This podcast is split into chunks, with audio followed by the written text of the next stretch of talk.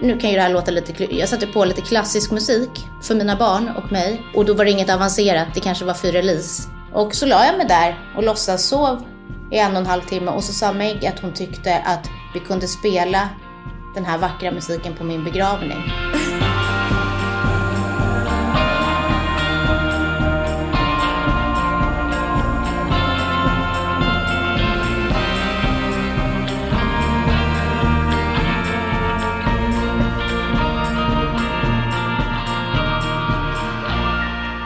Kattis, det är ju underbart att se att hårt slit och min envishet kring att vi inte skulle ha reklamsamarbeten och göra liksom enstaka eh, annonsplatser på podden eh, alltså till slut man får utdelning liksom. Mm, verkligen. Därför att idag och många avsnitt fram så är vi stolta över att presentera vår första långsiktiga samarbetspartner till podden och det är Bookie.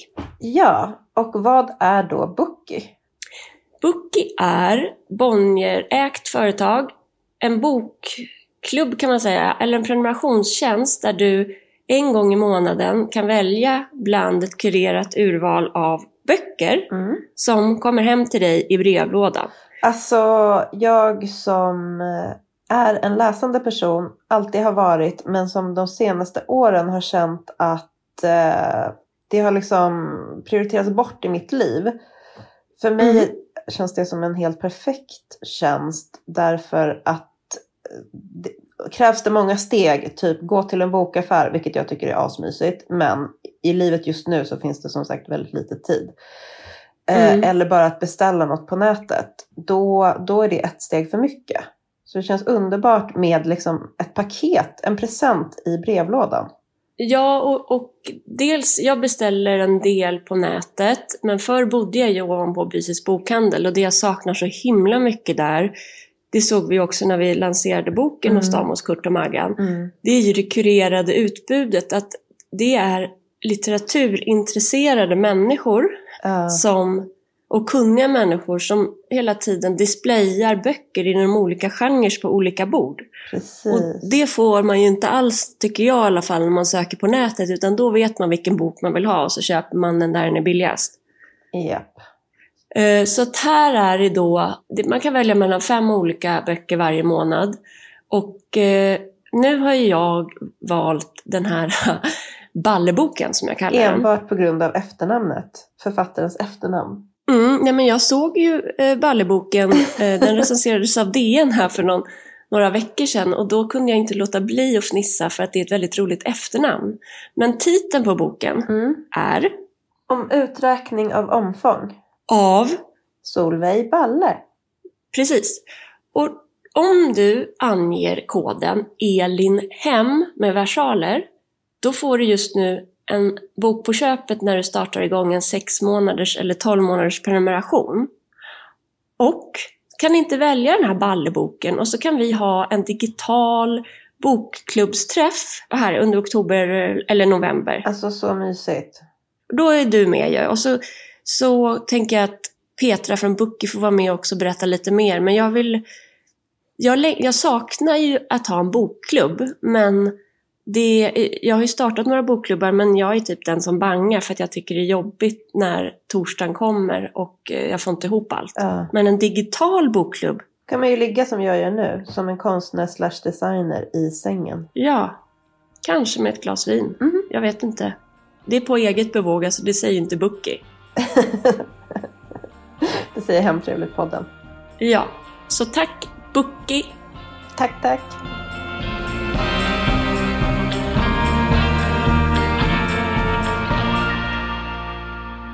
God morgon. God morgon! Hej! Vad var det där för litet försiktigt hej? Ska jag säga god morgon för att det är morgon liksom på podden sen? För att för mig, det, är ju- det, är ju- det går förmiddag. Ja, gå fram. Nej, nej Evelina, nu, nu ljuger ju du eftersom när vi bokade in det här då sa du att du har svårt att komma upp på morgonen men 10 var en okej tid. Jo, men vet du också att det som, det som har hänt, det är att både idag och igår så lämnade jag mina barn på förskolan. Ja. Ja, det gör ju aldrig jag. Nej, visst är det en Eh, obehaglig men- grej? Eh, ja, det, det är det verkligen. Men eh, Gustav skulle, eh, ja, han, han har varit borta i, i två dagar på olika saker. Och då, då har jag, jag, nej, jag har ju varit uppe sedan sju. Ja, Ja, jag förstår. God förmiddag säger jag då till Evelina Kron och Kattis Mattsson. God förmiddag Elin Lervik. Vi sitter ju liksom lite här och där och spelar in idag. Kattis, det är väl lika bra att du river av bara innan vi går in på veckans härliga gäst så kan väl du bara lite kort upp, update. Du är i Roslagshuset. Jag är i- Roslagshuset och eh, håller på att så här, få hjärtsnörp av ångest för att i... Eh, vi var här i helgen och på söndagen hade vi så mysigt och gick ut och plockade, hittade liksom massa svamp. Jag kände mig som en sån här superperson som kunde gå ut i skogen och hitta svamp med mitt barn. Ja, det är så underbar känsla. Det är en sån underbar känsla. Sen skulle jag gå in och hämta en gammal så här, sängkarm som står i salen. Uh, för vi måste styra upp Mm. vårt liksom, sovsätt här. Vi sover ju på madrasser på golvet. Liksom. Alla i en 1,80 säng typ. Och så gick, tänkte jag så här, jag bara, måste gå och kolla hur det ser ut i det där hörnet där jag vet att det läcker in. Då växer det svampar i det hörnet. Och eh, då ska alla veta att när vi köpte det här huset obesiktigat hade jag en skräck. Och det var hussvamp. Så nu eh, är vi här för att vi har eh, träffat upp en expert som ska ta prover på detta. Och det var liksom... Han kunde ju varken säga bu eller bä. Men eh, i mitt huvud så är det så här, bränn ner huset, typ. Nej, men lugn, lugn, lugn. Eller ha 10 Vad miljoner. heter det? Ett så tänker jag, vilken tur att ni först hittade bra svamp. Jag vet. Jag vet. Sen Och i hemlighet, och det här har jag typ mörkat för Milo, men jag skulle torka den i ugnen och då blev den bränd.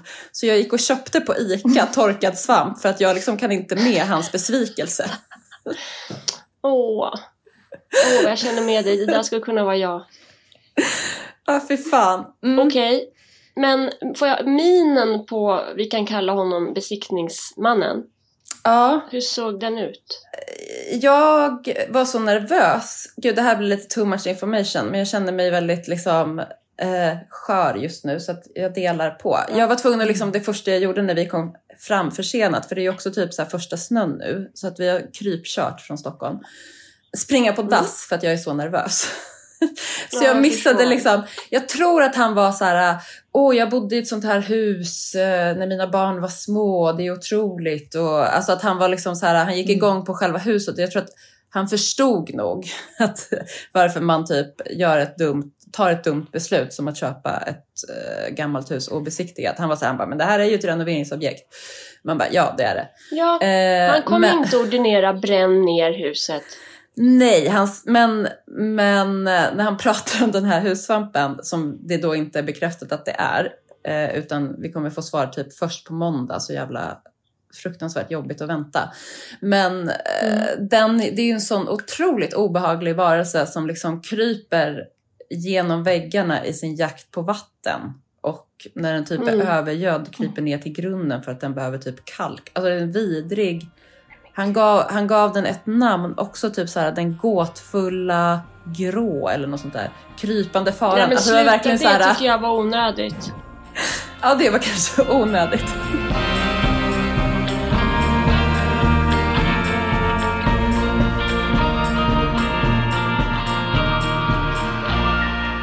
Jag har ändå lärt mig att man ska...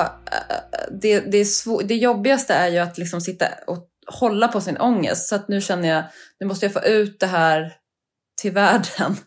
Så, så kanske Ja. det känns lite mindre farligt. Men jag har fortfarande lite ångest. Men nu kan vi gå vidare. Ja, jo, fast jag tycker det var lite obehagligt av den här äh, besiktningsmannen. Alltså ett, snällt och trevligt att han liksom hade en relation till typ av hus och renoveringsobjekt. Men att liksom personifiera eller göra den här äh, möglet till nästan en individ med ett namn. Eh, Grå, herr Grå. Nej men det var något, så här, något med något gåtfullt, jag kommer inte ihåg. Nej, ta bort det, för det är inget gåtfullt. Det är en svamp och den beter sig på något sätt. Den har ingen själ och ingen identitet och den kommer inte krypa in under eran hud bokstavligen, utan den ska bara bekämpas. Nej, sen sa han också så här, han bara, är ni känsliga? Jag bara, vad är din första, ditt första eh, intryck här? Typ så här, han bara, är ni känsliga för mögel? Vi bara, jo det, det finns nog en del här också. Men sen så gick han runt och Ja. typ tittade på, på panelen och var så här, här ser det ju bra ut. Så det, Mm. det är liksom worst case. Alltså det- jag tänker, Vi jag hade försöker, mögel. ja, hade, ja, berätta gärna.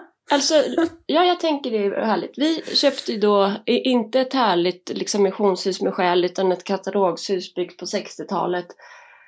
Och allt. Det här var liksom på slutet. Det hade bil, alltså ut en bottenplatta, två bottenplattor. Det hade varit containrar med massor som fraktas bort och varje container kostar ju typ 100 000. Det var liksom Alltså, jag orkar inte. Ja. gråtstämning. Och vi var till slut eh, nästan klara.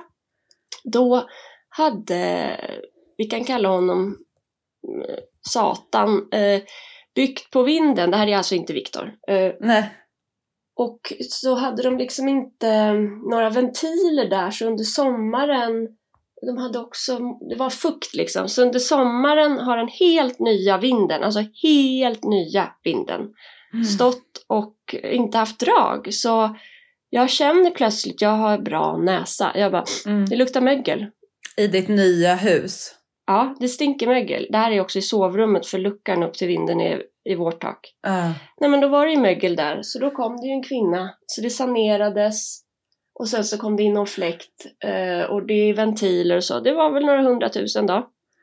Det är ju det där. Vi har ju liksom precis Men det är inga nu miljoner att, Kattis. Nej men vi, har, vi ska ju liksom fixa taket nu. Det är ju liksom det stora. Mm-mm. Eh, när jag tänker snällt då tänker jag så här. Det här är bara, det här är inte hussvamp. Det här är bara en svamp som har poppat upp för att säga till oss. Ni måste fixa taket nu och ni måste fixa hela taket. Ni kan liksom inte göra det i etapper. Förlåt, du måste vara lite nyktrare här Kattis.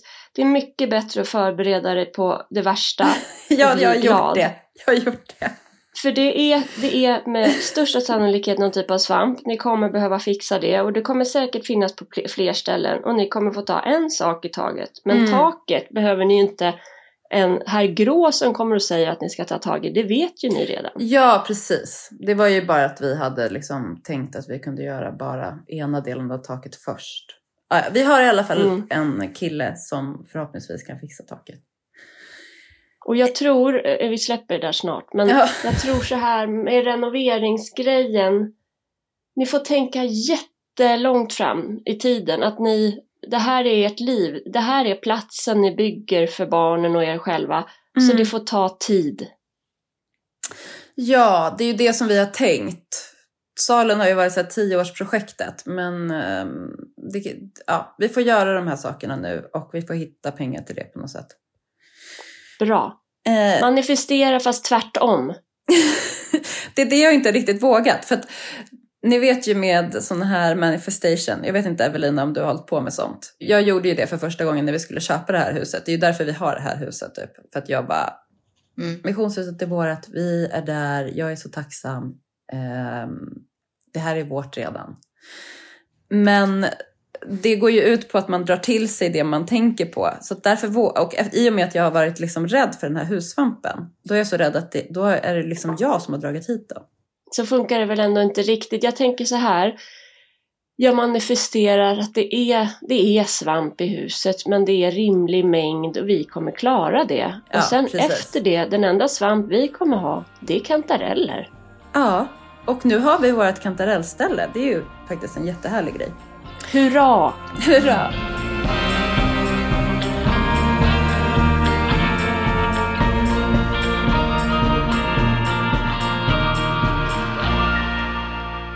Evelina Kron, eh, konstnär som vi kommer återkomma till din konst. Men eh, du har ju också ett jättefint sommarhus. Har du några sådana här learnings därifrån? Nej, alltså det, jag vill också börja med att säga att det, det är mina svärföräldrars eh, hus fortfarande. Det är, är min eh, kille Gustav Mm. som han är ensam barn och han håller väl, alltså vi håller väl successivt på att eh, ta över det. Men eh, nej, jag har, ing, jag har inget sånt där. För det första så är det ju eh, inte vinterbonat. Det är verkligen bara ett, ett sommarhus. Eh, jag är ju helt ointresserad också av allt som har... Det, vet du vad, det är säkert jättemycket problem med det här huset. Det vet jag ju egentligen för att Gustav var där senast igår och skulle fixa med någon vattenpump som har fryst igen. Men, men jag, jag, det är liksom, jag, jag ställer upp på premisserna att jag är där på semester. Eh, jag har inget intresse för hus Nej. eh, och trädgård. Eh, Alltså, vet, vet ni vad? Jag tycker det är underbart att vara där och det har jag upptäckt den här sommaren. Jag har, jag har känt ett motstånd och varit ganska stressad varje gång vi ska åka dit eh, tidigare år. Men, men det är klart, nu har, har vi två barn och det är, jo, det, jag kommer kunna växa in i det Mm. och tycka Ja. att det är härligt. Eh, och för övrigt så, ja, nu ljög jag, alltså jag tycker att det är, är fint med trädgård och jag kan, ja jag planterade lite men jag kan ju ingenting och jag har svårt också att, att liksom eh, underhålla och, och, Får du och överleva? mig kring sök. Ja, dels det, men alltså det är mer så att, vet det tror inte jag. Jag tror jag har ganska lätt att få saker att överleva, men jag glömmer bort liksom. Ja. Jag har ju helt an, som sagt, eh, jag har ett annat syfte med min, min vistelse där liksom. Men eh, så, att, så att det är säkert, jag kan tänka, alltså jag, jag, jag känner mig ju livrädd, alltså jag har ju en skräck inför hus. Jag förstår ju att det är mycket jobb. Jag tycker det låter fruktansvärt. Ja. Men ka- ska vi inte backa? Ska vi inte backa lite då? Jag blir nyfiken. Hur, Evelina Kron, eh, jag känner dig från att vi jobbade ihop på Svenskt Tenn. Mm. Och Kattis, hur, ni, hur känner ni två varandra liksom? Ja, hur känner vi varann? Det är väl... jobb. Ja, via jobb och att man har sprungit på varann under åren. Ja, precis. Ja, men vi har verkligen sprungit på varandra sådär. Då Och på det här temat vi har nu om boken har kommit och hemtrevligt. Ja, ja där vi- grattis. Ja, Ja. men tack, tack. Så eh, håller vi ju på och, och scouta vilka gäster vi är sugna på att ha i podden nu här under höst och vinter för att få höra deras tankar kring hemtrevligt men också kreativitet och vara människa överhuvudtaget. Och då var det ju självklart att få bjuda in dig eller fråga om du ville vara med. Ja. Men vad kom, liksom, vart, är, vart ifrån, är du stockholmare? Växte du alltså inte upp i hus? Är det därför skräcken finns? Jag har vuxit upp lite i hus också. Jag är, jag är uppvuxen, jag är född och uppvuxen i Stockholm. Eh, Ja. Jag är på Södermalm då för att vara exakt, Mm. eh, eller mer specifik. Eh, i, I två olika hem redan från, nästan redan från början. Eh, men, men i mina första tio år i vart fall så levde eh, båda mina föräldrar på Söder och jag har varit varannan vecka eh, barn liksom, Mm, hela mm. min uppväxt. Eh, men sen så flyttade faktiskt min pappa till ett radhus ute i Nacka Mm. med, med, med sin andra familj, eller det som också är min familj eh, såklart. Ehm, så jag har, men alltså det, radhus räknas väl inte kanske? Lite. Eh, ja, men, Lite halvt. Lite, ja. Eh, men det, det är inget jag, det har jag ingen minnen av om, om det var något problem att, bo i, i radhus. Sen har min mamma också bott i eh, ett hus ett tag, en kort stund. Jag, jag tror att det var lite för jobbigt för Ja. henne. Ja. Men jag är inte, men jag är, vad, vad frågade du Elin? Alltså jag är inte nej, men jag tänker så här, Ja. För mig, för jag, jag tycker det är spännande, för Alex är ju uppvuxen på Söder, precis som du. Mm. Eh, och jag är uppvuxen på landet i hus som alltid har renoverats. Så Mm. sen liksom, vi träffades för 12-13 år sedan, det var barn liksom, från tidigare äktenskap och det blev bara att vi bor i stan, vi fortsätter, det livet lever Mm. vi och jag har inte ens Mm. varit säker på om jag vågat hoppas på att vi någonsin hamnar i ett hus och så har vi nu Nej. gjort det och då är det så väldigt tydligt att Alex är liksom mer av det där slaget, han är inte rädd för så här, shit jag har inte koll på det här eller jag kan inte det, men han har inte alls det här Eh, Vi är olika i husägandet och det är spännande tycker jag. Och så här, var, var kommer det ifrån? Men, men Ja, just det. Ja, eh, för jag tänker, alltså, för rädd tycker jag är fel. Alltså tvärtom så tror jag att jag skulle på infall kunna göra precis som du har gjort, eh, Kattis. Alltså kö- köpt ett hus liksom baserat helt på kanske område och utseende. Mm. Eh, men, men, eh, och jag känner mig jätte... Gustav är, eh, väldigt så praktiskt lagd, duktig med hus. Jag är ju mer rädd för att liksom he, hela vår eh, familjedynamik skulle förändras i ett hus. Alltså att han skulle liksom all ledig tid ägna sig åt hus. Och, och som sagt, rädd är inte rätt. Det, det är ju mer att jag är helt eh, Farhåga. ointresserad. Ja, det, ja, det är väl en farhåga. Men, men sen just att, att jag är, är ganska ointresserad av hus. Mm. Inte liksom... Alltså jag skulle kunna tänka mig att bo i ett, men jag, jag tror inte att jag är en husperson. Men, och sen så såklart så tänker jag ju, alltså för min del, jag skulle fan, vi skulle inte ha råd att bo i ett hus. Just om det uppkom sådana här situationer. Exakt. Men det gör det ju inte. Alltså normala människor köper ju inte ett hus som inte är besiktigat, känner jag. Det finns Nej. liksom också någon slags Nej. skam i det. Att Ja, man just det. bara, ja men jag var den där dumma jäveln. Ja, men, Nej, ja, just det. Bort nej, med nej, skam. för det hade jag nog kunnat. Ja, just, ja både och. Va? Det, det är väl, skam är, väl världens bästa känsla kan jag tycka. Men, men, eh, men, men det, är, det är inte dumt gjort. hallå, stopp. Eh, Berätta om att skam är en bra känsla. Är det för att den styr oss i rätt Nej. riktning? Ja, men det tycker jag. Jag tycker precis tvärtom. Jag tycker liksom att vi måste återinföra skammen. Alltså, jag tycker att alla ska ha lite mer skam i, i känna, känna lite mer skam. Det är, det är ingen farlig känsla. Har du ingen skam vi- i kroppen? Du vill ha, Ja. vart är skam? In med skammen. Ja, in med skammen. Det är väl jätteviktigt att känna att man har gjort fel och att man liksom beter sig dåligt. Jag vet. Jo, Eh, för, men kan förlåt, man... är, är det något vi... Ja. Nej, men det, kan, det, jag, Jag, tycker det är jätteintressant. jätteintressant att prata om. Men kan man inte känna att man har gjort fel utan att känna liksom skammen? Jo, och vet du, det, det, det, passade inte in helt rätt i den här kontexten. Nu menade jag ju liksom gener, generellt. Ja, ja, jag tar inte det här personligt. Nu det, tänker det är jag klart att jag inte vill att du... Eh, äh, du ska inte känna skam som, som är något liksom slags dömande och att du är, är dum. Det påverkar ju faktiskt ingen annan än Än mig än själv. dig och din familj eh, heller. Men, än dig själv. Men eh, det, och det kommer ju lösa sig. Vad är det värsta som kan hända förresten? Om det, vad, vad är det värsta som kan hända? Om, då, då, behöver ni, då, då har ni gjort en dålig affär och så får ni sälja eller liksom riva huset. Ja, precis. Är det det värsta som det, är det, värsta som, det värsta som kan Ja. hända är att liksom den här sjuka eh, bostadsmarknaden som vi har varit på, det är liksom en lägenhetsförsäljning i våran så kallade bostadskarriär som försvinner. Ja, Eh, det för det, Ja, det har jag det. liksom tänkt på. Och det är ju fine, för det är ju bara så hitta på Ja. pengar och en sjuk marknad. ja. Och sen så är det ju såklart Ja, en värsta, dröm. värsta Alltså det är ju drömmar som försvinner såklart. Det är dröm. Mm. Ja, det är drömmar som, ja, givetvis. Men då kan man ju tänka sig att i absolut värsta fall, ja då rivs huset, då har ni ju en fantastisk tomt och ett svampställe som ni kan åka till. Ja. Ja, alltså, det är svamp inte, och sen vet får du ni- vad?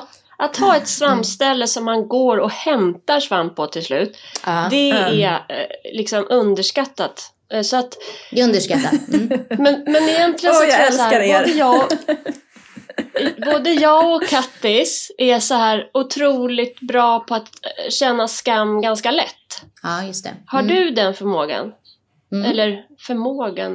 Där tycker jag det är ett minus för att jag skulle nog hellre ge en del av min sensibilitet för skam till någon annan. Mm. Precis, jag tycker typ att det här är liksom det är, en, det är en så stor fråga, för vad jag menar, jag har också lätt att känna skam, men jag kan ju också känna skam för att jag känner skam. Alltså förstår ni de liksom, triviala små sakerna? Ja. Alltså, det, det är väl det jag menar också. Det, det, det handlar ju också om att ha tillgång till att liksom sortera och typ vara så, nu känner jag eh, jättemycket skam för det här liksom extremt, eh, liksom bara självmedvetna och störiga beteendet. Den Ja. typen av skam vill man ju gärna Liksom, med. förstår ni? Då, då Ja. kan man känna skam för den skammen. Ja. Och, och, och det är en skam som kanske är, är helt onödig. Den kanske är bara väldigt eh, självcentrerad och oviktig. Liksom. Mm. Det är kanske det dåliga samvetet. Alltså att det är ju, det tycker jag hjälper mig att navigera väldigt bra. När jag märker att nej, här hade jag behövt göra det där. Eller Mm. jag ångrar att jag liksom inte hjälpte Iva med läxan där utan sa att det kunde Ingrid göra. Han behövde ju sin mamma. Det här hände i veckan. Mm. Men då kom jag ju på det den kvällen. Så jag var, nej men nu backar vi lite Ivar så här. Och så gjorde vi läxan. Och där tycker Mm. jag, det dåliga samvetet, det hjälper mig att vara på rätt sida av, alltså där tycker jag det hjälper. Den här skammen, det är något, det är någon annan, det, det, för mig är det en typ av förakt, men, eh, alltså Mm. självförakt. Som gärna Mm. poppar upp när jag blir självmedveten och då får jag precis som du beskriver förakt för förakt för mig själv. Mm. Alltså det blir Mm. 3D. Mm. Ja. Men Ja, just det. Men i, i det exemplet, jättebra. ja, men precis. Och det är samma med, jag tycker om man bara, nu kopplar vi direkt då till världsläget, men Mm. Det finns ju väldigt många människor just nu som jag känner skulle behöva, precis som du säger, ha skam slash eh, få dåligt samvete för sina handlingar. Så att eh, Mm. det kan vi ju addera till våran eh, podd som en av våra missions, sprida skammen. Mm. Ja. Ja, tycker jag. Det tycker jag vore, det, det är jättebra. Nej men det är precis som du säger, precis som man liksom eh, går utanför det lilla livet. Mm. Det är väl kanske främst det jag menar. Att, att då är det väldigt viktigt med skam. Och, och också liksom förstå sin egen liksom position och sina privilegier. Det är väl inte svårare än så egentligen.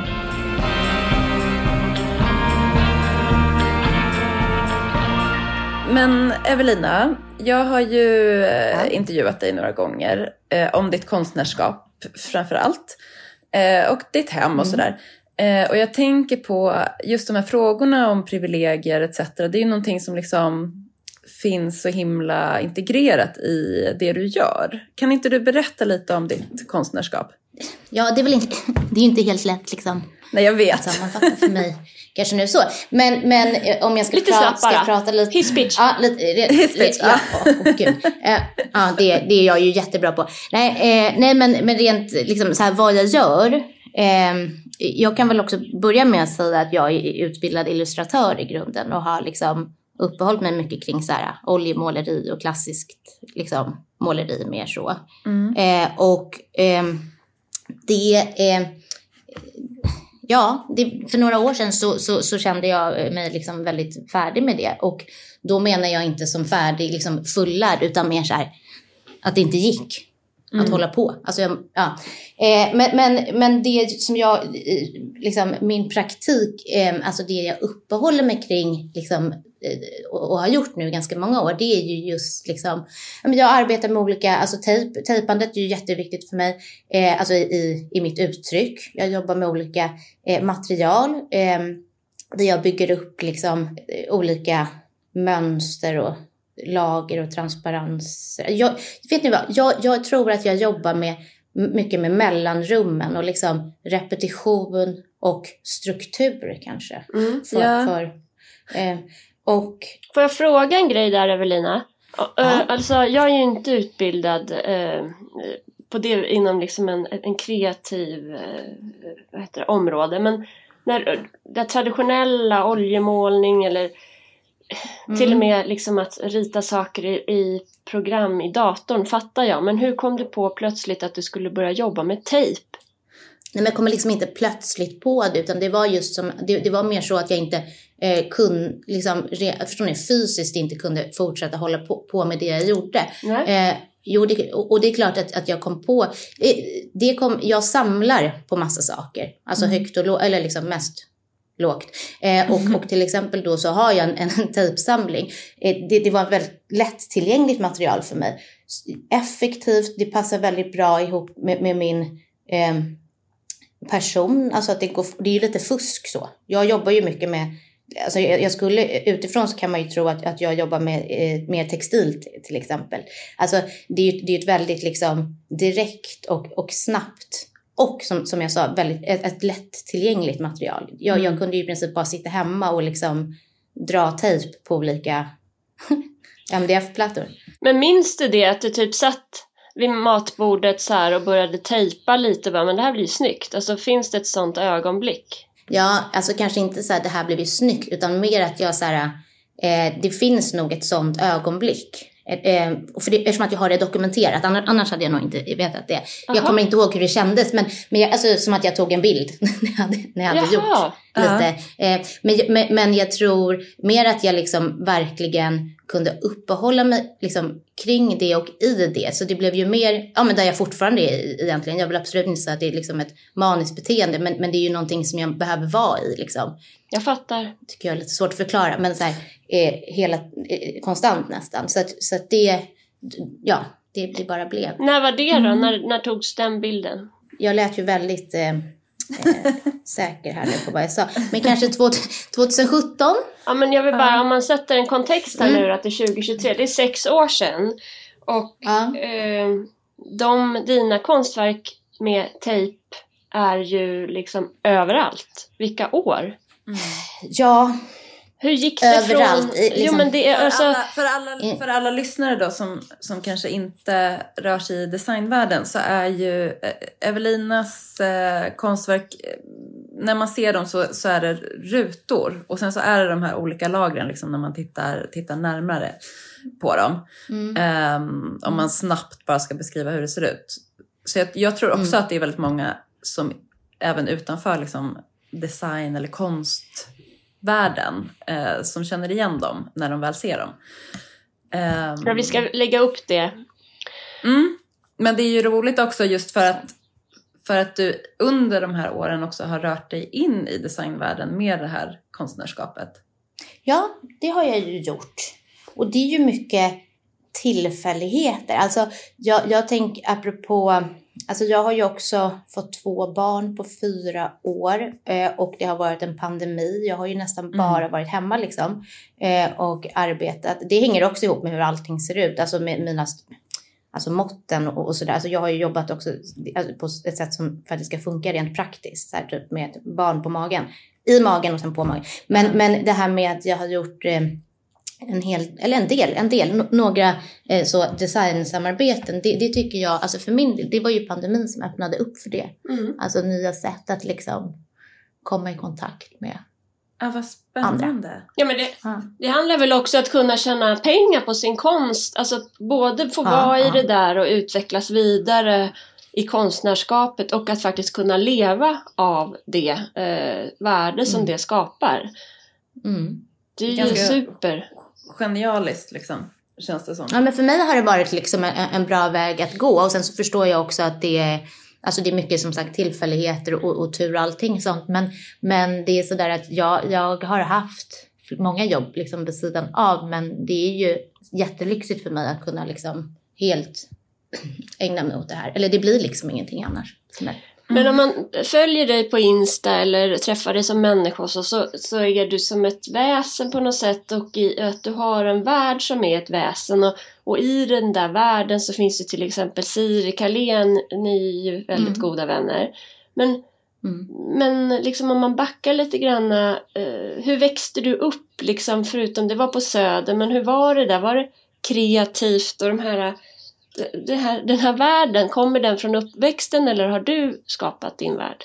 Alltså den kommer till viss del från, från min uppväxt, men, men då kanske inte, inte från min familj. Eh, jag är inte uppvuxen i, i några konstnärshem. Min farmor var förvisso illustratör och konstnär, men hon har inte varit liksom, en så närvarande person i mitt liv. Eh, mer än liksom, såklart så här, eh, en inspiration. Och det, var, det har alltid varit så väldigt skönt och tryggt att ha en liksom, äldre förebild som har kunnat jobba med det, alltså ända sedan 50-talet. Jag tror att det här är jätteviktigt att se någon någonstans kunna leva på sitt konstnärskap eller författarskap. Alltså att eh, vi pratar om det som förebild. Jag tror att det är bara alltså proof of, alltså att det, ett bevis på att det går. Ja, men någon slags liksom vägledning. Alltså, vad vet, ja, absolut, absolut. Eh, så är det ju. Och sen så ska jag också säga att jag har haft väldigt liksom, uppmuntrande föräldrar. Det, eh, och kanske framförallt min pappa som, som är, in, är liksom intresserad av, av konst och kultur. Eh, så att jag har ju väldigt tidigt liksom, eh, fått ta del av, av vissa rum om ni förstår. Och Ja, sen ja, ja. så så här, och, och det är inte att jag är en exceptionellt duktig liksom, illustratör eller, eller någonting sånt idag, men jag var skitduktig på att rita när jag var liten och då, då är det någonting som ju även blir lättare för ens föräldrar kanske att se att det är någonting som man, eller förstår ni, Mm, ja, verkligen. väldigt och det är ju också Ehm. kul. Alltså, då gör man ju det hela tiden också. Så att man, alltså, det, Ja, det gör det ju sig självt på något sätt. Men det är ju härligt om man får, får supporten omkring. Ja, ja, men det tycker jag verkligen att jag har fått. Och det kanske liksom, eh, men som sagt, jag, jag, jag kommer inte alls så från, och jag har också haft två ganska så skilda hem. Alltså min mamma, ja, det kan När vi eh, gå sig? in på sen. Eh, skil, de var ju aldrig gifta, eh, men, men jag tror att de separerade någon gång runt, kanske när jag var i två. Ja, så det är din värld liksom, det är två, två hem. Ja, jag har minnen från när de eh, levde ihop också, men det kanske, Det, det, det kanske man inte kan tro, men det har jag. Men, eh, men, men absolut, jag har alltid liksom vuxit upp mer eller mindre i, i två hem. Eh, minst två hem ska jag säga, eh, för att jag har också flera liksom, bonus, alltså extra föräldrar i Mm. mitt liv.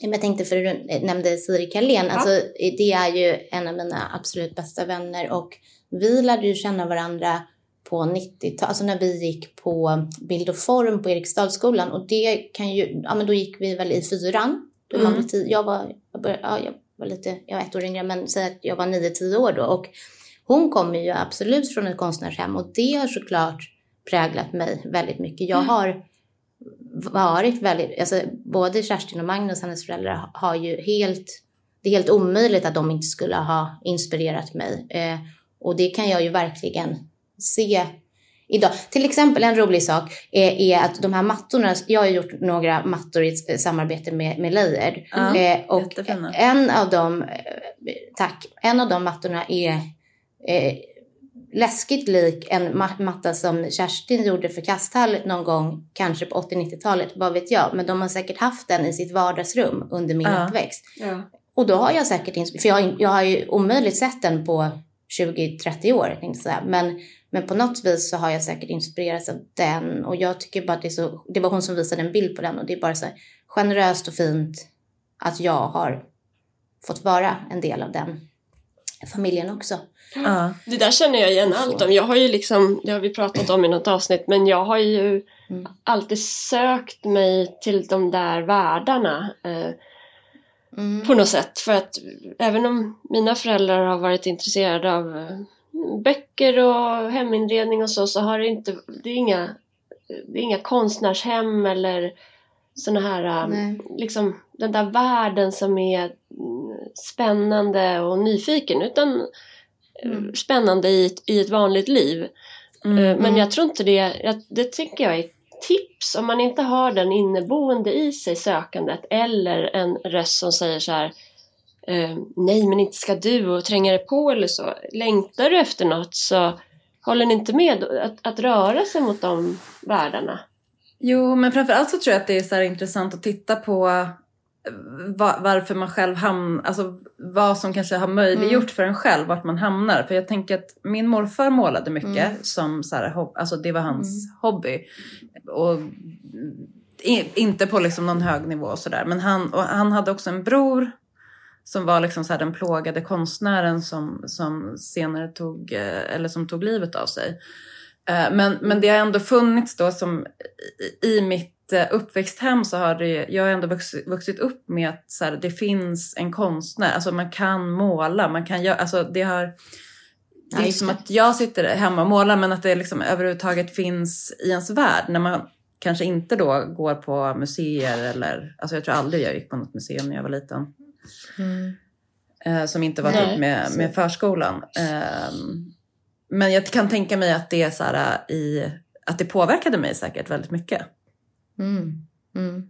Ja, ja, men precis. Men, men alltså, som barn tänker jag väl att det är liksom lättare, alltså det du var inne på där Elin, att det är ju så här, det är ju inte självklart att man har liksom tillgång till de där rummen. Eller det beror ju helt enkelt helt på att föräldragenerationen då ska vara så pass rimliga som att den umgås liksom i olika eh, konstellationer. Förstår ni? Alltså, Ja, det, det, nej, men- det blir lätt så. Eh, alltså jag tror inte att det är så som att jag var eh, eh, när jag var 9-10 år sedan då när jag lärde känna Siri att jag hade liksom ett öga för alltså så här, att jag förstod att hon bodde i ett konstnärshem.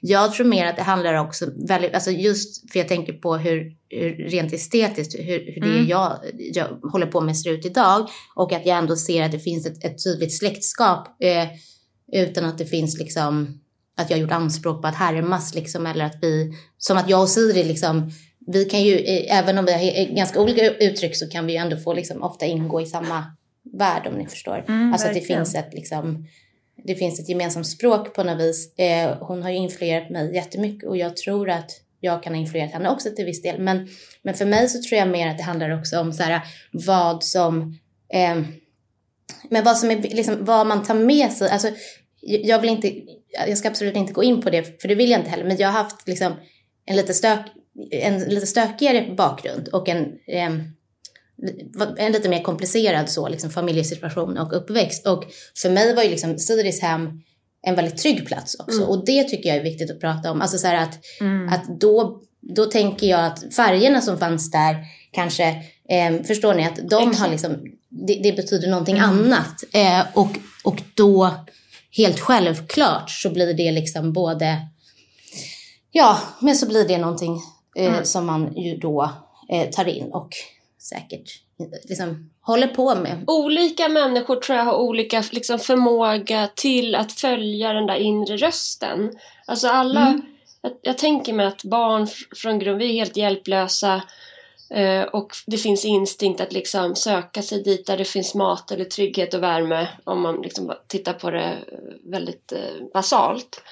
Men Mm. den där längt, eh, liksom, det, som att du, eh, ni hittade varandra du och Siri, det var ju ingen plan du hade som 9-10-åring och att du var där och trivdes i det där. Men, eh, och, så- och så där har jag ju varit precis likadan eh, med att söka mig till sånt. För då var det grannarna Noge som hade hästgård. Och det hade inte jag någon plan, det. Var ju bara så här ett långt sommarlov. Och plötsligt fanns det en plats där det hände massa saker och man behövdes och, och sådär. Och jag Mm, tänker Ja, att de som är liksom eh, inte har det där riktigt i sig eller övat upp att lyssna på sin längtan in, in i kroppen.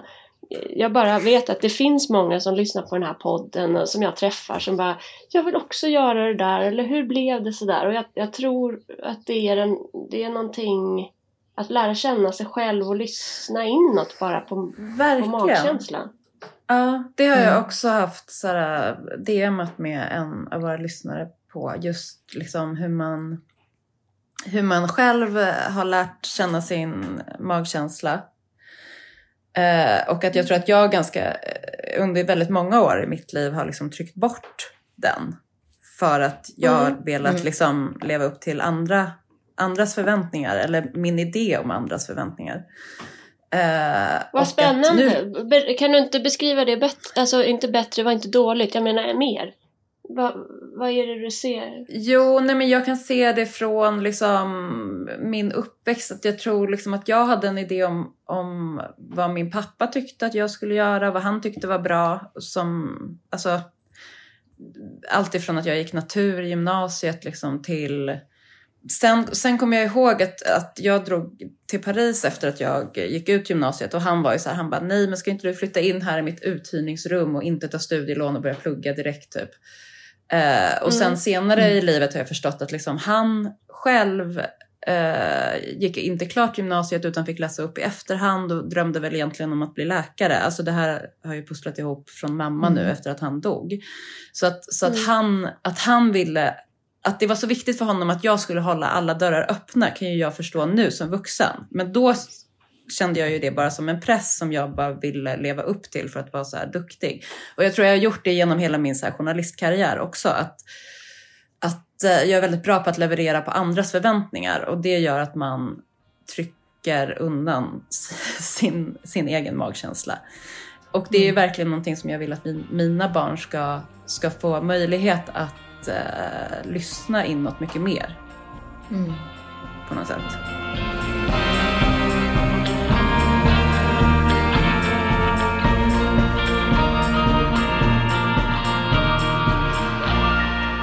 Men, men Evelina, på tal om det där med andras förväntningar och eh, ens eget liksom kall. Eller, Lys, Mm. Lyssna på sig Mm. själv, precis.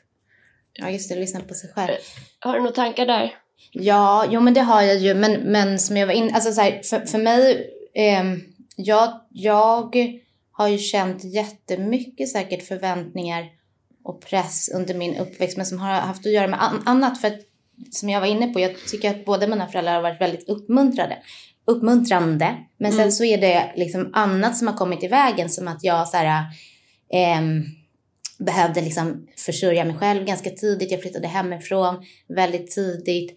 Ehm, jag, eh, förstår ni, det, det är så mycket Ja. annat som har kommit liksom emellan i livet som gjorde att jag till exempel, det tog ju mig ändå från gymnasiet kanske fyra, fem år tills jag började plugga vidare på, konstskola och sådär. Då jobbade Mm. jag ju faktiskt på ICA som var en underbar tid i mitt liv. Men, eh, men där jag helt ändå gjorde avkall på allt i ren liksom, överlevnads... Alltså förstår ni? Så att, Ja, men, det, och jag tror att det där påverkar ditt konstnärskap också. För att jag Mm. refererar ofta till Alex, men det är ju min liksom, livskamrat. Men han Mm. har ju vuxit upp eh, med en konstnärsfamilj, hans mamma och, Mm. och hennes man. Och sen en Mm. businessfamilj, hennes, hans pappa och eh, dennes liksom, fru. Eh, Mm. Och det fanns i båda de här världarna. Och det, min analys om man bara summerar allting är att det där har varit super för honom i hans eh, karriär. Därför att han har både Mm. koll på konstnärskapet och eh, Mm. att man måste tjäna pengar. Och det tänker jag faktiskt att du på så kort tid ändå har liksom lyckats bygga ett, ett namn i, som är respekterat ur ett konstnärsperspektiv eh, och samtidigt gör de här samarbetena som, det vet vi ju förr, alltså, det, det Mm. finns ju massa konstnärer som bara sånt håller de liksom inte på med typ för att det inte Nej, nej. är Det är inte fint, fint eller nog. sådär. Och det tänker jag Mm. att du behövde tjäna egna pengar tidigt har ju hjälpt dig kanske nu att eh, Mm. liksom bygga ditt företag inom det här. Ja men säkert, men sen också så är det ju liksom, vad ska man säga, ehm, just i och med att jag inte kommer från ett eh, konstnärshem, alltså jag har ju känt mig ganska oäng, eller konstnär, men att jag inte har tillhört på det sättet så tänker jag att jag har ju också haft en ganska oängslig inställning, alltså kanske naiv också, vad vet jag, men alltså kring att så här, vad som är fint och vad som är fult och vad man ska liksom, förstår ni, vara Mm. i, alltså som ett Du är friare då kanske? I förhållande till Men på viss- konstvärlden, liksom, eller vad konst kan vara. Ja, men, ja, och tacksam också om ni förstår vad jag menar. Ja. Alltså, det är ju liksom, det, man, det kan inte säga något annat alltså, än att, liksom, att, att någon, om någon vill ha med mig att göra. Sen ska jag säga att det är klart att jag är som selektiv och, och väljer mina uppdrag. Men så känner jag också så här att, eh, som du var inne alltså, dels att jag kanske inte har råd att vara liksom, eh, eller jag har i alla fall inte hittat ett, en struktur eller ett upplägg som skulle funka eh, bättre för mig. Men, men mer också att jag, jag, jag, kan, jag har väldigt lätt till att känna så här, vad otroligt att de vill göra något med mig. Liksom.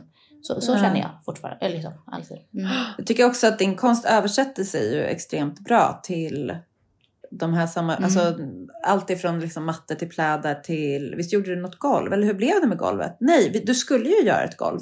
Ja, jag hoppas fortfarande på, på att få göra ett golv. Det där är nog det är lite på paus. Men, Ja. men precis, det där är ju en annan sak också som, eh, som jag vill lyfta. Alltså, och sen vill jag också, säga att det, man, man blir inte rik på, på, på, på samarbeten. Men, men, Jag eh, förstår det. Men, jag- men mm.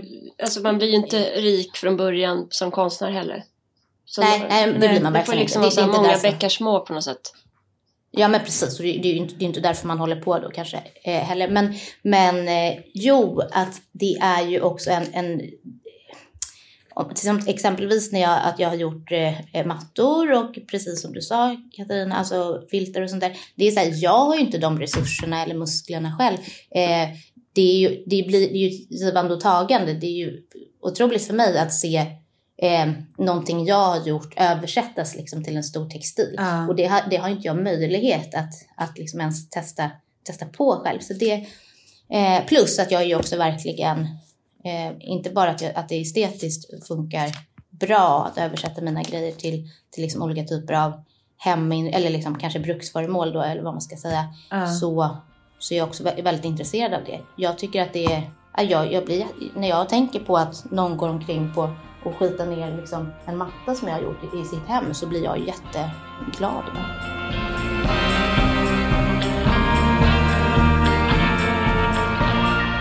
Vad är hemtrevligt för dig? Det måste vi in på nu. Eh, jag- det där har jag tänkt på, för jag tycker inte att jag har ett så jävla hemtrevligt hem. Liksom. Jo! Du har ju världens mest Ja, men hemtrevliga jag- hem. Och ska jag, ska, får jag utifrån berätta varför? Ja, Därför, ja, okej. mm. får jag det? Och det, det är ju, jag har varit hemma hos dig i, eh, Mm. på vilken våning är det nu igen? 9 och 10. Just det, Två. högst upp i det här huset i Skarpnäck, vart är det? Jag cyklade Hagsätra. dit, Hagsätra. Jag cyklade, ja jag Ja. vet ju att det inte är Skarpnäck, men jag, jag cyklade vilse på vägen dit i alla fall. Eh, där i söderort. Jo, men dels eh, så är det, det är otroligt, eh, du, är ju otrolig med färger som jag gärna vill återkomma till. Men sen så känns det ju så himla så här, eh, välkomnande. Det, det på något sätt märks att det, det rör sig mycket folk där och det får vara, alla får vara lite som, eh, som det är. Jag tror Gustav låg och sov när jag var där. Alltså att det, det känns liksom så här obrytt. Ja, det gjorde han. Han låg, han låg och sov och det var ju ändå mitt på dagen va? Ja, det var det. Var han, Ja, pyttelite eh. underligt, alltså jag älskar det. Jag sov ju också mitt på dagen. Jag, kan, jag måste bara Mm. föra, varför sov han då? Ja, vet du, det vet, det kommer inte jag ihåg. Men han låg ju verkligen och sov och det är inte helt likt honom. Men han var väl...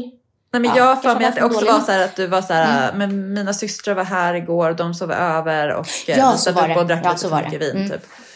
Eh, Mm, just det, vi hade eftermiddag dagen innan. Och sen hade han lämnat barn och sen gick han och la sig och sen så vaknade han liksom inte. Ja, så, eller på, på några timmar, han vaknade ju sen. han var Väldigt hemtrevligt. Ja men det var ju, Ja, det är ju jo, liksom men- väldigt hemtrevligt att någon, att man blir hembjuden. För att jag, det är det jag tänker är, är så här, eh, motsatsen till den här liksom väldigt stela ytan som vi, vi möts av väldigt mycket när man ser just hembilder. Mm.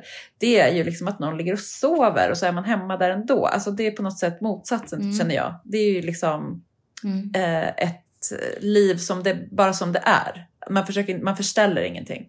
Nej. Nej men precis. Ja, men jag, det, det tror jag och det känner jag själv att jag har ett sånt liksom, tillåtande hem i alla fall. Alltså som att det är, det, det är, det är ju någon slags ständ, alltså det, är- det är ju rätt, det är stökigt och det är liksom men, men vad jag menade med, med vad, vad hemtrevligt är för mig, det, det kanske inte är just liksom eh, mitt hem igen. Eller så här, jag, jo, jag, jag trivs jättebra i vårt hem.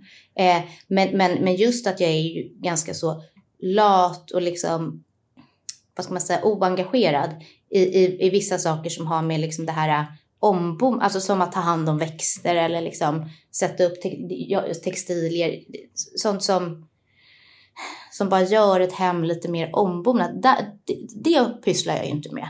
Men Eh. textilier har du väl en masse?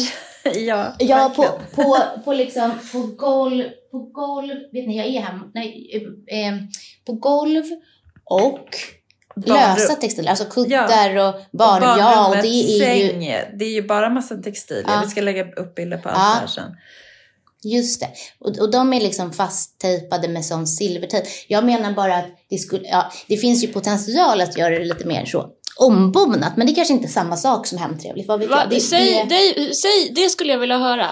Hemtrevligt Ja. enligt dig då. Va, vad, med, vad tycker du det är? Nej, men jag hör ju att jag säger emot mig själv för att jag, jag tycker ju såklart, alltså jag trivs ju i vårt hem. Eh, och som jag sa, alltså just som du sa Kattis, alltså att, att det, det är liksom, man behöver ju inte vara rädd för att ha sönder något hemma hos oss och sånt. Och, alltså det är, inget, det, det är inte liksom, man behöver inte känna sig ängslig när man är här och det tycker jag är hemtrevligt. Eh, och sen så tycker jag, det återkommer jag till då och då, men det kan, jag, jag och Kattis har pratat om det. Jag, jag älskar att titta på tv till exempel. Jag tycker att det är jättehemtrevligt att ha en tv och jag är ju absolut mest i, i min soffa. Men, men sen så tror jag att jag har inte så mycket, det är inte så mycket fokus liksom då på heminredning som att eh, jag hade väl också, jag hade, jo så här. Jag tycker till exempel att det är jättehemtrevligt hemma hos min moster och vi har ju inte en alls i när, alltså hennes, vi, våra hem är liksom helt, eh, vad ska man säga, varandras motsatser så. Men Ja. det är ju just för att hon är allt som jag inte är. Alltså eh, att det finns liksom små eh, godisskålar, eh, hembakta kakor i ett liksom jätteorganiserat skafferi och så här.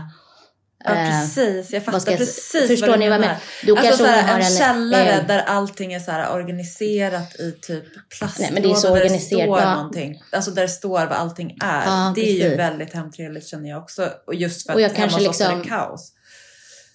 Ja, precis, precis. Och det är det, är det som också då blir liksom så motsägelsefullt. För att på något vis, alltså ett kaos är ju, gör ju att det, det känns tillåtande och liksom levande. Och eh, min moster då exempelvis, hon är ju liksom en, en superpedant och jag skulle aldrig våga eh, ställa ner mitt glas vin liksom på hennes soffbord utan ett sånt uh, glasunderlägg. Ja. Men samtidigt så är det så här, eh, den här känslan av att komma hem till någon när man får så, liksom, lägga sig i en liksom, ljusgrå hörn Mio-soffa med en sån här eh, flispläd. Det kan jag tycka, det kan, jag kan inte komma på något mysigare. Nej.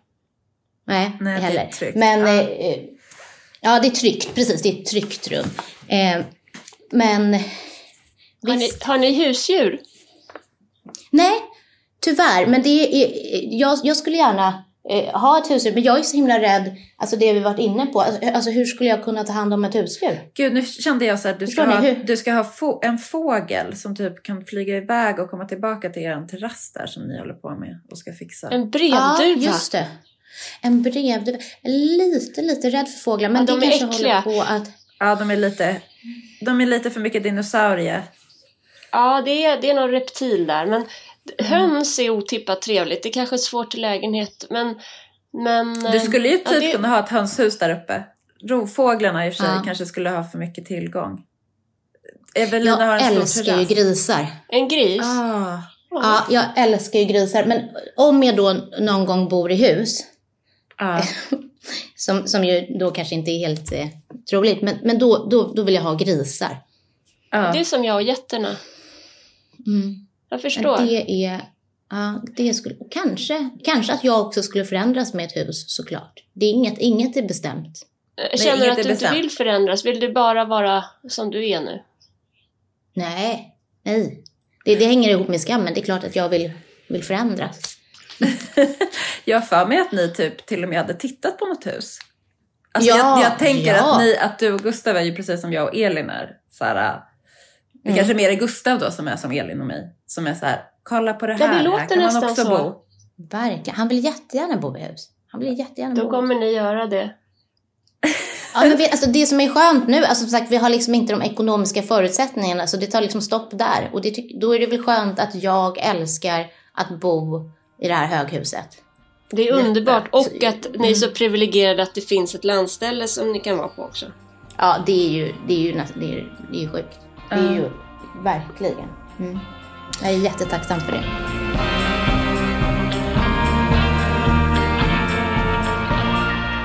Men kan vi också grotta lite i din otroliga smak och stil? Ja, visst. Ja, visst. Va, vad ska vi... Eh, ja men alltså jag, Nej, men, jag eh, snälla någon. Du har ju en sån här sällsynt förmåga med färger och jag vet att du ofta får frågor om det här men jag tror att färg är liksom något som eh, många tycker är så fruktansvärt svårt. Eh, kan Mm. inte du eh, förklara lite om hur din färgfilosofi ser ut? Jo, det skulle jag väl kunna göra för att eh, ehm, ja, jag, jag tänker att, att dels så, så är det ju så att även om jag känner mig ganska trygg och subjektivt bra på färg så, så blir det ju fel jätteofta också. Det, det, det, vill jag säga först, det är inte jag så rädd för. Det är ju inte, det är inte jobbigt att måla en vägg och sen eventuellt antingen lära sig att, att leva med den och så, fast den inte känns toppen eller så får man väl göra om. Men, Ja. men jag tror att liksom min eh, färgfilosofi som du sa, alltså det är väl mer att jag vet ju också, jag jobb, det jag har på väggarna i mitt hem eller i min ateljé eller liksom som det alltid har varit, det är ju, är ju lite mer så smutsiga, ändå ganska neutrala toner. Jag har inte kritvitt någonstans men, men jag gillar ju gärna att tänka på till exempel en, en grön, blå, grå som, som en vit liksom. Så. Och så jobbar jag ju med mina, mina tavlor också. Att jag alltid liksom, och sen så kan man gärna, så tar jag ju ofta in liksom en, en stark, men till exempel så har jag ju mycket rött i mitt Mm. hem. Inte Mm. på väggarna så, eh, såklart tänkte jag så men det känns ju som en ganska ovanlig färg. Kanske ha liksom en knallröd på, Verkligen. på en vägg. Ja, men, men det tror jag att du och jag kan ha pratat om Kattis förut. Alltså röd tycker jag är världens svåraste färg. Mm. Då kanske jag är också lite sådär, jag är liksom lite jobbig person, förstår ni? Då måste jag liksom ha rött Mm. i mitt hem. Men jag Och- tycker och att det är så vänja. spännande. För att, det, för att jag, kände, jag kan relatera till det där. Att, det, att om man själv om man Mm. märker att man, börjar, att man går runt och stör sig på något. Så måste, Mm. alltså, då måste man typ dit och så här skrapa på sårskorpan. Liksom. Ja, vi har ju ett sånt konstverk, alltså en ballonghund i metallic röd. Som, och Ja. Alex älskar röd. Han har ju gjort något, eh, the red share, den dök upp i huvudet och var röd. Jag har Mm. svin svårt för rött. eh, Men håller på och plockar in rött om och om igen. Men den här hunden, den bara flyttas runt. eh, Alltså det är ett sånt skav i den här hunden. Jag, den hade jag tagit bort om jag inte levde med Alex. Men jag tror också det är en sån symbol för när vår, vårt hem blir eh, kul inredningsmässigt. Det är ju när den röda hunden får vara med liksom. Ja. ja, jag tror verkligen att du, du behöver den där röda hunden. Jag vet, ja, för annars har jag ju snart liksom ett British cottage bara. Ja, exakt. Ja, det är ju inte så bra. Det är ju ett fantastiskt hem. Jag menar, det är nej, nej. Jag menar alltså, mm. det är det där i skavet. För det är mm. liksom, när man pratar inredning och få till det snyggt och så. Det, det för, liksom stort felet eller misstaget många gör är ju att matcha och matcha och matcha så att det finns inget skav alls och det blir tråkigt. Exakt, mm. och det är så, det syns ju i alla dina färgkombinationer att det hela tiden finns så här något lite skavigt, typ den där diarrébruna som är typ utsedd till världens mm. fulaste färg. Eller liksom ja. något i kombinationerna. Alltså, och det, det, det är, det låter töntigt kanske att säga att det är modigt, men, men om man ska applicera det på sitt eget hem så blir det plötsligt lite modigt. Mm. Men, jag, men jag tänker att uh, vi alla typ skulle må lite bra av det. Mm. Ja, precis. Och med, med modigt, alltså så, precis att inte det blir förmätet, då handlar ju det också, tänker jag, om alltså såklart en, en viss typ av kunskap som man kanske liksom vågar då kringgå, alltså för att man ändå har ett slags självförtroende ju. Ja, i. I sitt hem. För att, för att jag tänkte på det där med att, att folk liksom är rädda för, alltså det handlar ju om rädsla. Alltså jag, jag tycker det, det, är, det är inte alls självklart att man är intresserad av heminredning till exempel. Nej, nej, nej. Liksom ett, nej och det, fint hem. Det tror vi ju att våra lyssnare är så därför kan vi liksom grotta i det lite ja. extra. Det, och det, det är ju jättebra, precis. Det, det ska vi ju ändå eh, utgå ifrån. Men jag tänker också att ibland så kan jag tycka, apropå hemtrevlig, så kan man ju också bli så väldigt liksom ödmjuk och, och glad. Alltså så egentligen i alla hem där man ser att någon liksom har har en tanke och liksom... Ja, ja verkligen. Så, det är därför det till exempel är så här, någon som har ställt ut en massa trädgårdstomtar.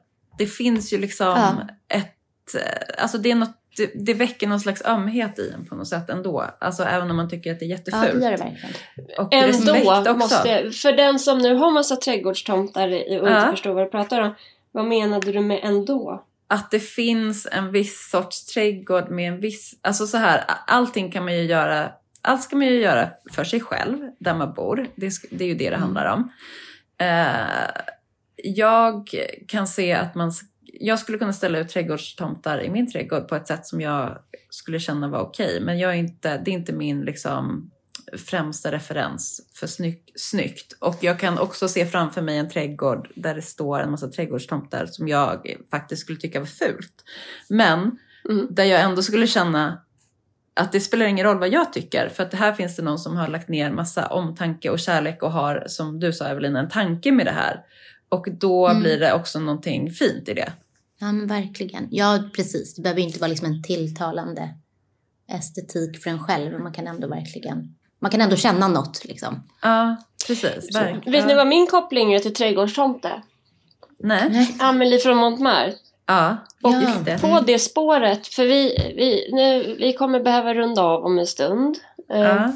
Men på det spåret så ska jag nu nämligen åka till Arlanda och hämta Elisa som kommer från Brasilien som ska vara au pair hos oss ett år. Mm. Och hon mm. Eh, hon påminner mig, vi har inte sett live, men hon påminner mig, det är som en sån här Amelie från Montmartre-person, typ. Uh. Eh, och då undrar jag, vad tänker ni om au pair? Uh, vi pratade ju om det lite grann i förra avsnittet va? Ja. Jag är ju uppväxt med au pair uh, och har blandade känslor för det. Men det tror jag framför allt hade egentligen att göra med att vi hade au pair för att mina föräldrar skulle jobba. Det vill säga vi hade, mm. jag såg inte mina föräldrar. Mm. Um, vilket jag tror påverkade mig uh, jättemycket. Så här, när man börjar, när man är, är 40 år och ser tillbaka på sitt liv. Liksom. Och det, jag, kan, jag har nog svårt att förflytta bild. Alltså jag skämdes också, apropå skuld och skam, jag skämdes över att vi hade au pair. Alltså jag har alltid skämts över att vara så här privilegierat villabarn. Tror jag. Mm. Och det vet inte jag varifrån det kommer. Men vad gör en au pair? Vad... Nej, jag, alltså, jag vet inte vad hon gör. Jag bara behöver extra händer och fötter. Jag behöver en till vuxen typ i vårt hem. Mm. Men hon kommer också hit för att hon liksom vill lära Hon sig ska lära sig eller- svenska. Mm. Hon, hon kommer Mm. plugga svenska. Ehm, Ja. Jag vet Precis, inte det gjorde våra riktigt. också tror jag. På SFI Mm. antar jag. eh, nej men det är ju en lång process liksom att eh, hitta, söka uppehållstillstånd, arbetstillstånd, Migrationsverket, det ambassadbesök och allt möjligt sånt. Men eh, det är ju en grej, jag vet ju knappt, men, tänk om hon kan hjälpa till eh, bara så här. Jag, bara, jag kan liksom inte riktigt säga, men jag tittade på Emil i Lönneberga med mina eh, barn någon dag. Och så är Emil och Alfred där. När jag läste när de satt den här soppskålen på huvudet. Och så är eh, Lina och Alfred där. Och det är ju dumt att de är dräng och piga. Och jag tycker Alltså, eh, det pratas om Lina som att hon är korkad liksom hela tiden. Eh, I och för sig verkar hon ju korkad men det Jag bara, hon verkar ju korkad. Ja, men det behöver hon inte vara för att hon är piga liksom. Att hon är ja, eh, Nej. status Det speglar också en annan tid. sånt där. Ja. Precis. Men jag bara ser så, tänk att, och jag vill inte att, eh, Elisa ska inte sova i våran kökssoffa liksom. Men jag skulle så gärna, det är som på den här gården där jag red när jag var liten hos Noges.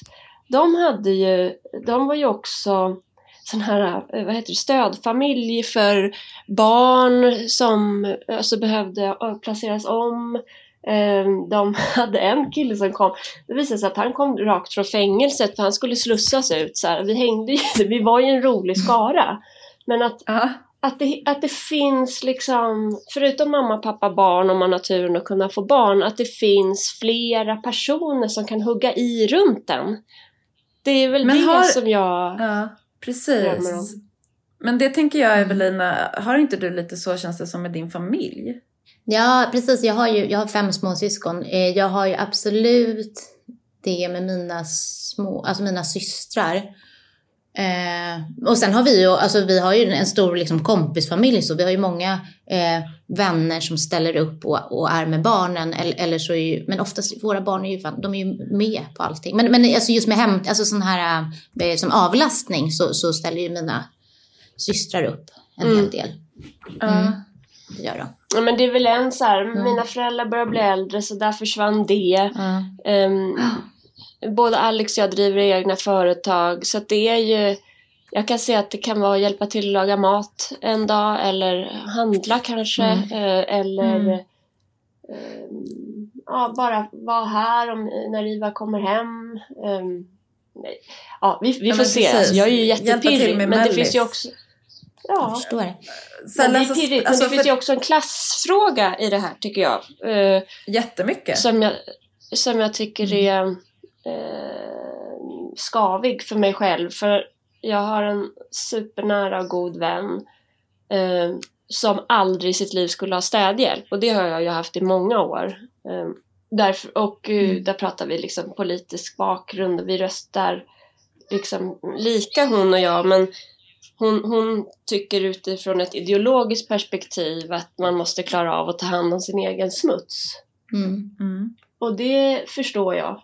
Men mm, ja, det är så mycket mer saker jag liksom har byggt upp som jag tror gagnar fler än bara jaget Elin. Men då behöver jag liksom stöttning också. Vad tänker ni om sånt? Ärligt alltså. Var inte snälla. Alltså, nej men jag tycker att det är jättekomplext. Ehm, vi har ju inte städhjälp nu men jag kan säga att vi hade det ett tag och jag saknar den men vi har inte just nu liksom, kan inte prioritera det. Och som sagt så tycker jag också, apropå tillbaka där vi började, det här med liksom skam. Jag vet inte, jag kände ju skam över att, vi, över att jag var, att, att någon skulle tycka att jag var typ för mer eller något för att jag hade au pair. Alltså min eh, bästa kompis Sofia som jag bor granne med, vi gick eh, i eh, ettan, liksom, hon skulle börja en ny skola som inte var färdig, så de hade så här baracker där jag gick i ettan. Så vi sågs liksom på fritids och sko, skolgården. Fast jag gick ju inte på fritids då eftersom jag hade au pair, utan jag åkte hem. Men hon trodde liksom att jag var en prinsessa och bodde i ett slott. Ja. ja. Eh, och ja, det, men jag minns verkligen så här, jag tyckte att det, det kanske bara var att jag var blyg och inte ville sticka ut, men jag skämdes verkligen över det. Sen så fick ju jag ett språk. Alltså jag blev ju väldigt... Eh, alltså jag var ju flytande på engelska väldigt tidigt och läste liksom tjocka böcker på engelska i högstadiet kommer jag ihåg. Men nu finns Mm. Youtube. Alltså så nu pratar ju alla barnen typ flytande engelska. För Ja men det är sant, sen kom YouTube. Men, men, men nu kommer ju dina barn få portugisiska då. Ja. Men vad tänker du Evelina, apropå skam och eh, också så här... Liksom, Privilegier och sånt där. ja.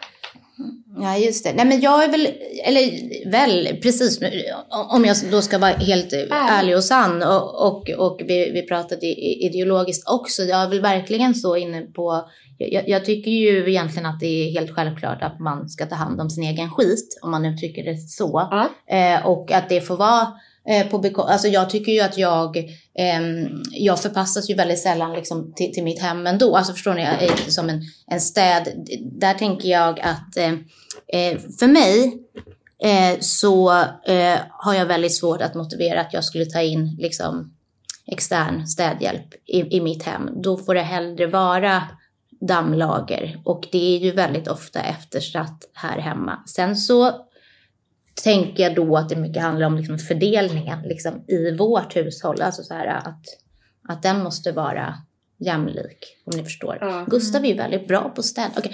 Men, men ehm, ehm, och sen är det så att har man städhjälp så får man väl se till då att, ha, att göra en, en grund, alltså tycker jag, ja, en, en grundlig research och, och betala jävligt bra för att ja men kollektiv, man kollar det upp kost- allt det där. Kollektivavtal och mm, hur är det Ja. ja. Det, arbetsplatsen. det, det är inte som att jag är, jag, alltså att, att vara städare, det är ett, är ett riktigt yrke. Ehm, Ja. men, men, eh, men jag kan inte motivera för mig själv att, Nej. att ta in någon att städa i mitt hem. Nej, Nej. Jag, tycker, jag tycker att det är underbart när, jag, när Oksana kommer, vi tar en kaffe. Hon, jag Mm. sitter ju och jobbar med mitt och hon jobbar med sitt. Eh, och sen åker jag iväg och så kommer jag tillbaks och så är eh, en, en stund inte kaos. Därför att jag mår så sjukt. Jag, det är ingen synd om mig. Men jag har eh, ingen förmåga riktigt att ehm, skjuta bort röran, den fysiska röran och den inre röran håller på liksom.